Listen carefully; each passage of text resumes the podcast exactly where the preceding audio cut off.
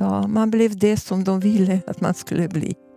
Oh my god, oh my god, oh my god, oh my god, now the roof is falling down. Men herregud, vi är tillbaka och fyller redan program tre på vår tredje säsong. Och vi har en underbar gäst idag. Idag har vi den bästa gästen hittills, i den mån nu gästerna kan graderas. Ja, vi har aldrig dragits för någonting. det, det, Men eh, för att kunna gå vidare kanske vi ska reda ut gamla synder Mm. i bemärkelsen att synden egentligen inte är vår, men i vår mission att eh, höja en lans mot musiken i Svenska kyrkan. Mm. Vi tycker inte att den är så fri och storsint som vi anser vår tro vara. Mm.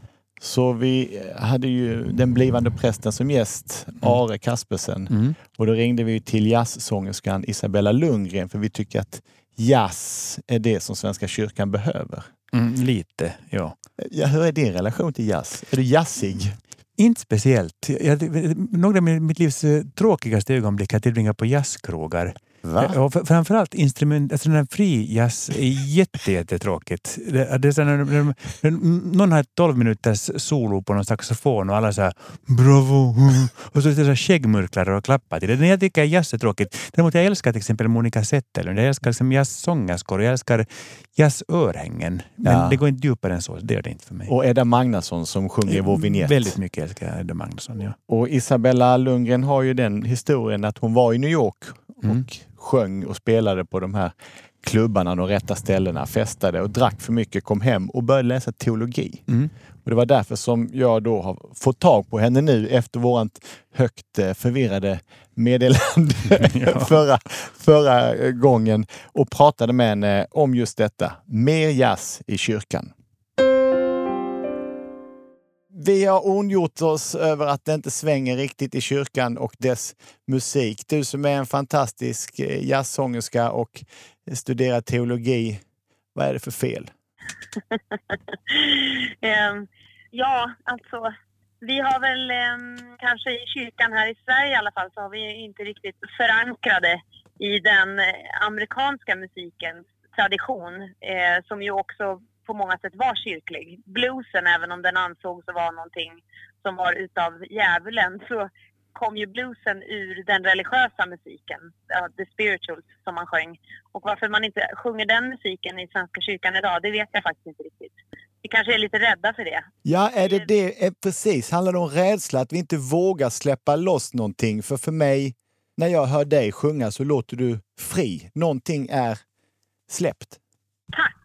Jag vet egentligen inte om, om det behöver handla om rädsla heller. Det är ju egentligen bara olika religiösa uttryck. Alltså vissa finner att de är närmare Gud i en situation av tystnad och vila när det går långsamt och det är lugnt. Mm. Eh, och de vill sitta och be och vara med sig själva i sin relation till Gud. Medan andra, om man går, som jag brukade göra när jag bodde i New York, om man går till en kyrka i Brooklyn eller i Harlem eller i The Bronx så skriker man ut sin tro och sin hängivelse och klappar i händerna och ropar halleluja och det svänger så att det svartnar. Så det är ju olika uttryck. Ja, jag har varit på en sån gudstjänst i Harlem också och det är verkligen, man går därifrån upplyft medan jag har hört i en svensk kyrka någon som tolkar Kent eller någon annan rocklåt så låter det som eh, musiklärare som försöker spela utan att spela fel. ja.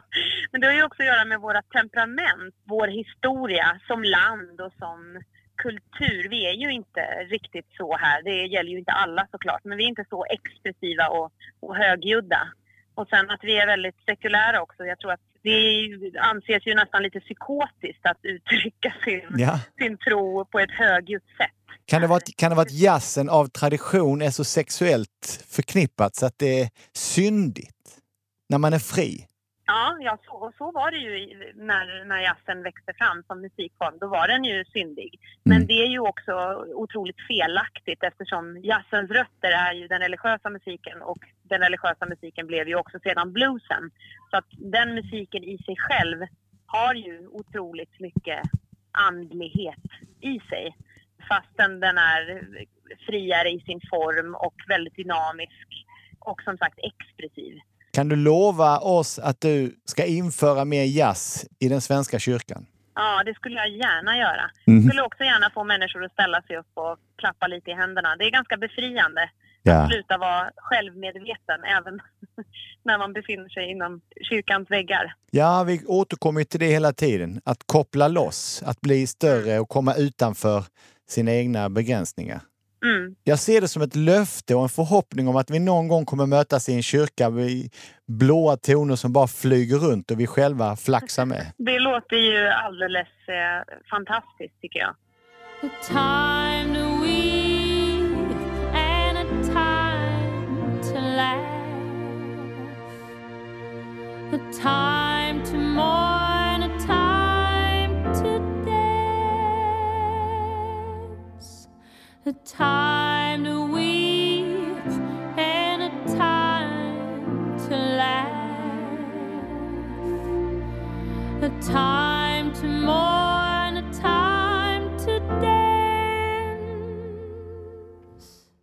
Och hon sjunger så fantastiskt fint. Ja, visst gör hon. Och Mark, är du med mig och Isabella från och med nu med i kampen, missionen om större musik, mer jazz i kyrkan? Nej, faktiskt inte. Va?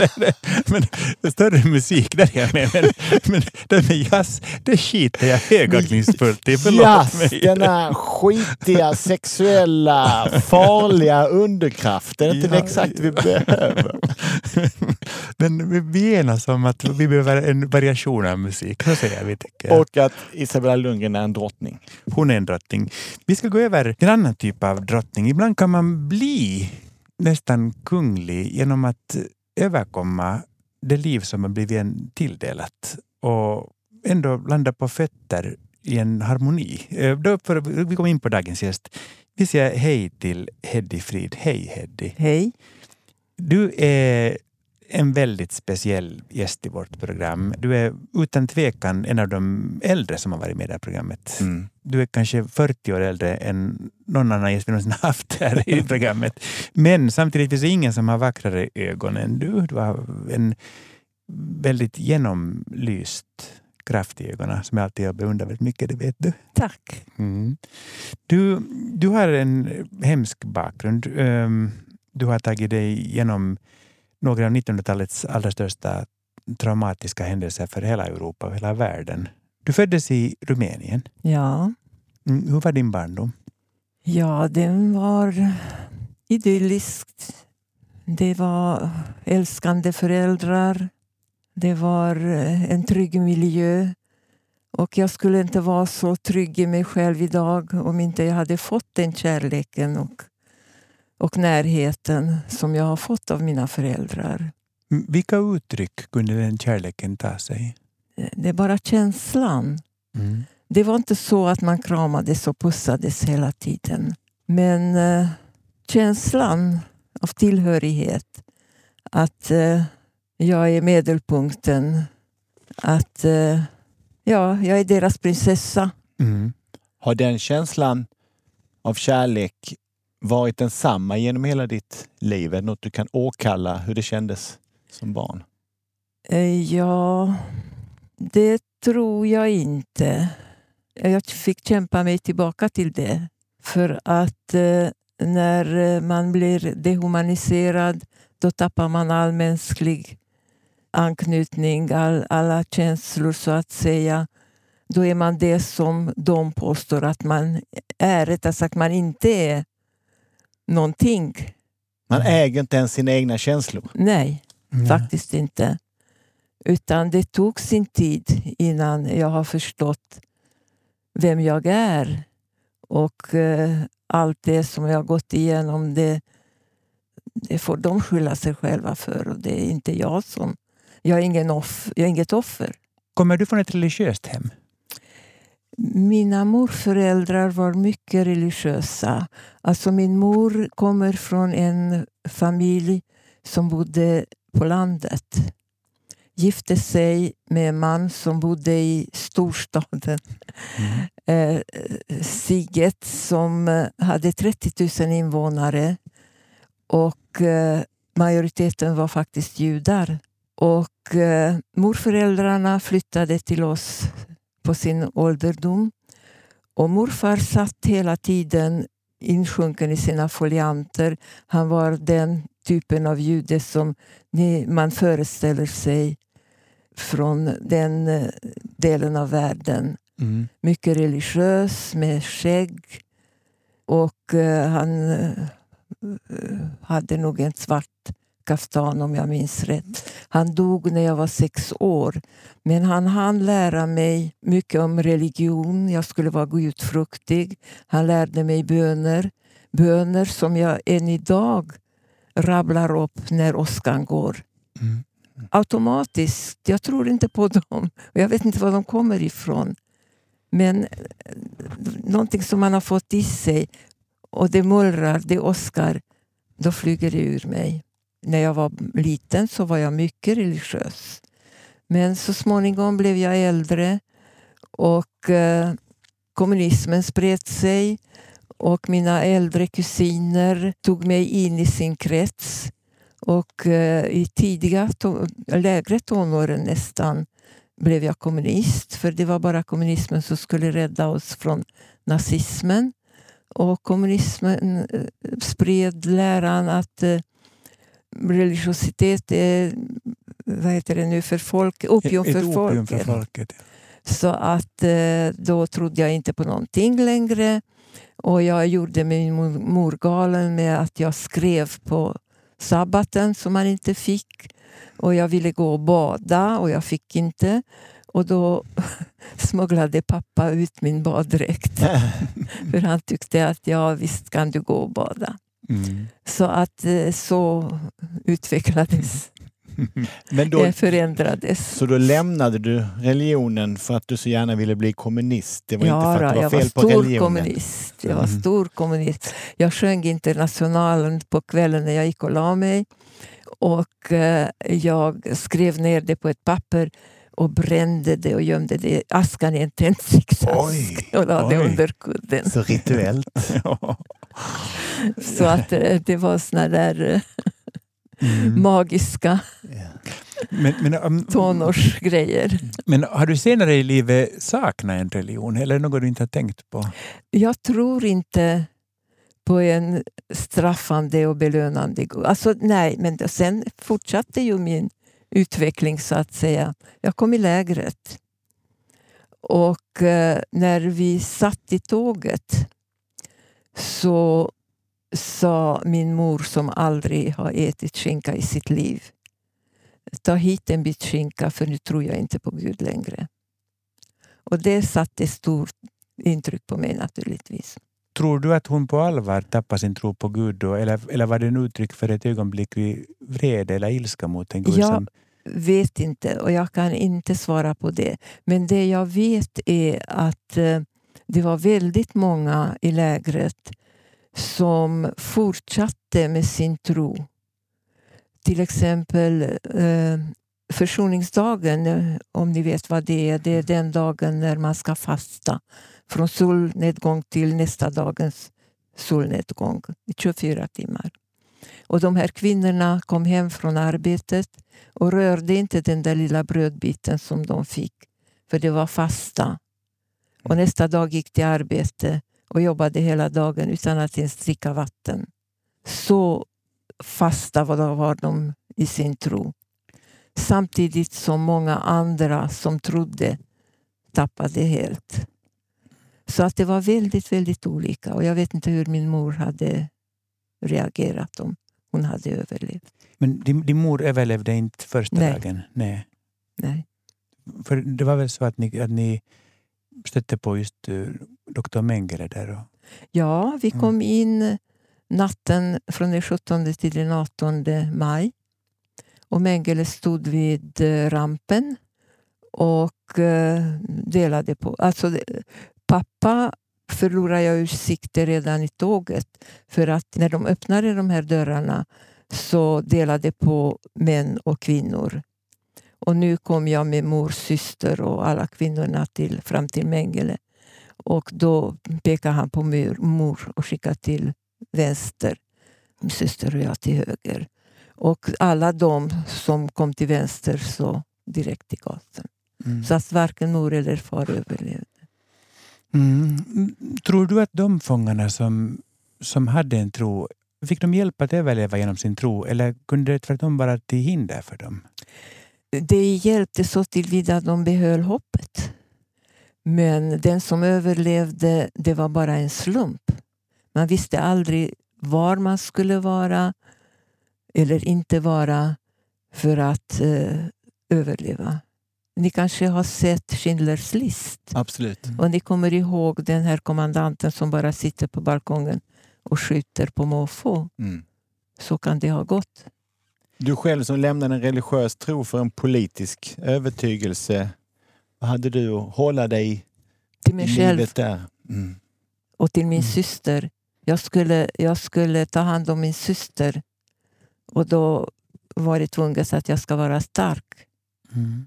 Och jag, jag trodde egentligen trodde jag aldrig att jag skulle överleva. Men jag försökte i alla fall att agera som jag trodde att det var passande. Det var rätt för ögonblicket. Och det har blivit liksom ett, ett motto för mig att eh, gör alltid det som du tycker är viktigt, rätt, bra för ögonblicket. Förhoppningsvis går det bra. Men du måste försöka att hjälpa ödet på traven. Men det som sker, det sker. Det finns ingen Gud som ska göra det rätt. Men det kanske finns någon kraft någonstans. Och det är det som jag brukar tycka det är eh, konstigt. Att man, eh, olika religioner har olika gudar. Det, det är väldigt svårt för mig att förstå.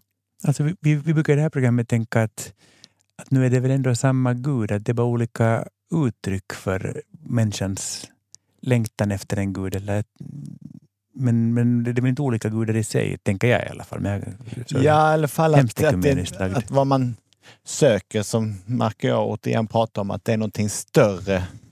Någonting att, att förhålla sig till. Men jag känner att när, när verkligheten blir så stor och skillnaden mellan död och liv, den gränsen måste vara så tunn. Mm. När man är bland människor som ena sekunden sitter där och nästa sekund är de borta. Är det, upphävs din egna uppfattning om, om livet och tid av att befinna sig i ett koncentrationsläge? Det kanske finns en kraft. Men du kan kalla det vad som helst. Mm. Du behöver inte kalla det för Gud. Mm. Jag vet inte. Du har skrivit en fantastisk bok som heter Skärvor av ett liv, som kom ut 1992. Där minns jag att du skrev att du bestämde dig för att förstå hur nazismen fungerar och hur de tänkte för att kunna ligga steget före dem. Och nu återger jag det kanske i väldigt vulgär version. Eh, jag vet inte om jag uttryckte mig så. Men jag har alltid försökt att se vad är det som händer nu. Och det är just för att eh, försöka att, att ta det ett steg i rätt riktning. Så jag ska inte bli överrumplad. Men eh, egentligen kunde man aldrig veta för att eh, man visste aldrig vad nästa steg skulle bli när de gjorde någonting. Mm. Du ser att du var väldigt eh, politiskt akt- aktiv och väldigt eh, brinnande kommunist innan kriget. Mm, Gav det dig nå- någon som helst hjälp i lägret sen? Nej. Inte heller. Så lägret var bortom varje typ av trosföreställning eller ideal. Nej, där, där fanns ingen som helst möjlighet att tänka ens. Man blev, eh, ja, man blev det som de ville att man skulle bli. Men- K- Känner man, när man blir som någon annan vill att man ska bli, att man, att man ger upp eller att man ger ifrån sig någonting? Inte helt, för att på kvällarna var jag mig själv. På kvällarna satt vi på våra eh, bunkar, vad, vad ska jag kalla det för? Det var ju inte sängar utan vi kallade det för, koja. Det var eh, såna här, eh, tre våningar där tio flickor skulle ligga på varje och eh, pratade och läste upp dikter vi kom ihåg och försökte att ta gamla matrecept så att vi blev mätta av att berätta. om vad vi har ätit som barn. Och det var en sorts återupprättande av sig själv. Mm. Var det skillnad på de som var i tonåren och de som var vuxna? Var det skillnad på föräldrar och barn? Det fanns väldigt få föräldrar där. Vi kom mitt i natten. Och eh, när ungrarna kom till lägret, det var i krigets elfte timme. Och då hade de bråttom att tömma norra Transylvanien där vi bodde. För ryssarna var ganska nära. Och det var 800 000 judar i Ungern som Hitler saknade. Så att eh, de kom in den 19 mars och två månader senare satt vi på tåget på väg till Auschwitz. Det var alltså 1944. 44. Mm. Och då gick tågen dag och natt, dag och natt. Med eh, cirka 3000 i varje. Och eh, när det här tåget kom in mitt i natten, då var de ju också trötta. Mm. Så då började de höger, vänster, vänster, höger. Titta inte så noga. Så att eh, klasskamrater till mig skickades då till gaskammaren. Och min mor som var bara 45 Mm. likaså. Medan en annan klasskamrats mamma kom in i lägret. Så att det var enstaka mödrar. Men Mm. de försökte att att orka lika mycket som vi orkade. För den som inte orkade den fick inte vara kvar. Jag minns en sån detalj bara, men du ser att de gjorde allt vad de kunde för att avhumanisera er, för att ni skulle inte vara människor längre. Men jag minns en liten protestsak, att du och din syster ni firar varandras födelsedagar. Och det är ju ett tecken på att någonting i er faktiskt kämpar emot. Att ni inte ställde upp på att bli... Jo, det var dubbelt. Alltså, innerst inne var vi kvar den vi var, men vi hade inte kraft att visa det. Vi hade ingen kraft att revoltera, åtminstone hade inte jag. Och eh, inte de flickorna som vi var tillsammans med. Det fanns de som gjorde det faktiskt, för att eh, eh, de män som har varit vid, vid gaskammaren, det var en grupp som sprängde ett krematorium hösten 44 innan ryssarna kom in. Så att eh, det fanns de som orkade mot slutet av kriget. Mm. Men i början eh, så var det, det är just det som var så tragiskt. Att de flesta följde bara efter. Inte bara de i lägret, men i hela Tyskland. Om, om de som inte ville ha Hitler hade sagt ifrån, då hade det inte behövt hända. Men alla, de flesta tittade på Mm. det som kallades för bystander. Vet. Mm. Mm. Och det är det som jag försöker att, att påminna idag, alla ungdomar och alla i Sverige. Att vi har en liknande situation idag. När, när det händer så mycket och de här krafterna börjar vakna igen. Mm. Ja, och det är de som ingenting gör som är skillnaden. För vad vi pratar om här är väl ett av mänsklighetens största katastrofer, tragedier, brott. Och det finns ju ingenting som säger att det inte ska hända igen om inte vi som lever ser till så att det inte händer. Precis. Du, du, du är mycket ute i skolan och pratar om det här och, och då vet jag att du brukar säga till dem att kom ihåg att ondskan finns. Ja. Men, men var det där jag så förtvivlat försöker hitta efter, ett- efter ett halmstrå? För att om ondskan finns så måste ju också godheten finnas som en motkraft. Vi har det inom oss, var och en av oss. Ondska och godhet finns sida vid sida. Och bara den här tunna linjen som finns mellan liv och död finns mellan ondska och godhet. Och det är vårt ansvar vad vi gör av det, vilken vi väljer. Och vi vet att det var tyskar som inte sköt judar med risk av att bli dödade själva. Och det kan man ju inte begära av någon. Men vi vet också att om de inte gjorde det blev de inte dödade. De blev kanske skickade till fronten. Mm. Och eh, då valde de att döda. Mm, Tror du att var och en av oss skulle kunna bli en lägerarbete, vad, vad, vad kallas Lägervakt. Lägervakt. Lägervakt. Under vissa omständigheter, ja. Kan du hjälpa mig att komma på ett ord när vi sitter här och pratar med varandra? Jag har ju, har ju läst vad du har skrivit. Jag hörde ditt fantastiska sommarprogram Hedde och när du berättade. Jag, jag fylls av en, en tomhet och samtidigt så fylls jag av ett hopp och önskan om att vilja vara med om att det aldrig, aldrig får hända något sånt här igen. Jag, jag märker att du också är tagen mark. Jo, men det är framförallt detta magiska att, eh, att du föddes i denna liksom snurrdörr mellan kommunism och nazism. Alltså, alltså de störst, två största ondsk, ondskorna eh, i- under hela 1900-talet. Och att du föddes precis mitt däremellan och, och tvingades genomleva detta helvete. Och att du nu sitter här 92 år gammal och är så genomlyst och liksom obitter. Och vi tänkte att vårt nästa program ska handla just om vägen framåt efter kriget. Det tycker jag låter alldeles utmärkt. Och en, ett ämne som jag också vill prata om som är mitt favoritämne det är skillnaden på förlåtelse och försoning vill jag att vi ska prata om också. Jaha, bra.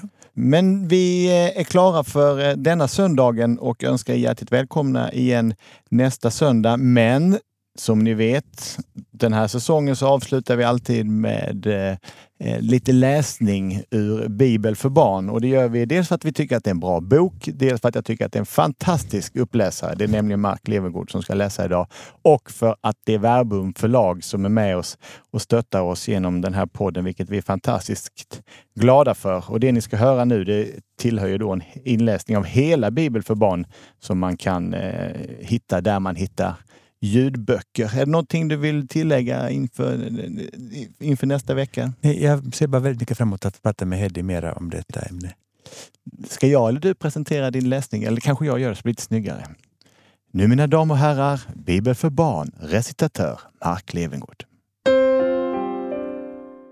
Josef och hans bröder. Esau var inte längre arg på Jakob. Jakob kunde komma hem igen efter alla år. Ändå blev det svårt. Rakel och Jakob fick en pojke till som fick heta Benjamin. Men Rakel dog när Benjamin föddes. Jakob förlorade Rakel. Men han hade hennes två barn, Josef och Benjamin. De blev särskilt viktiga för honom när han inte hade Rakel kvar.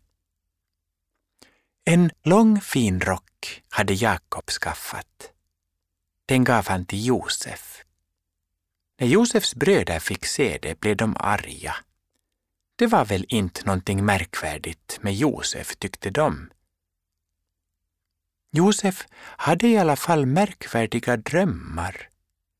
Han berättade om dem för sina bröder, men då blev de ännu argare på honom.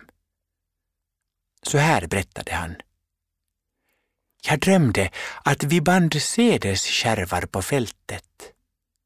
Och min kärve reste sig och stod upp och era kärvar ställde sig runt om och bukade.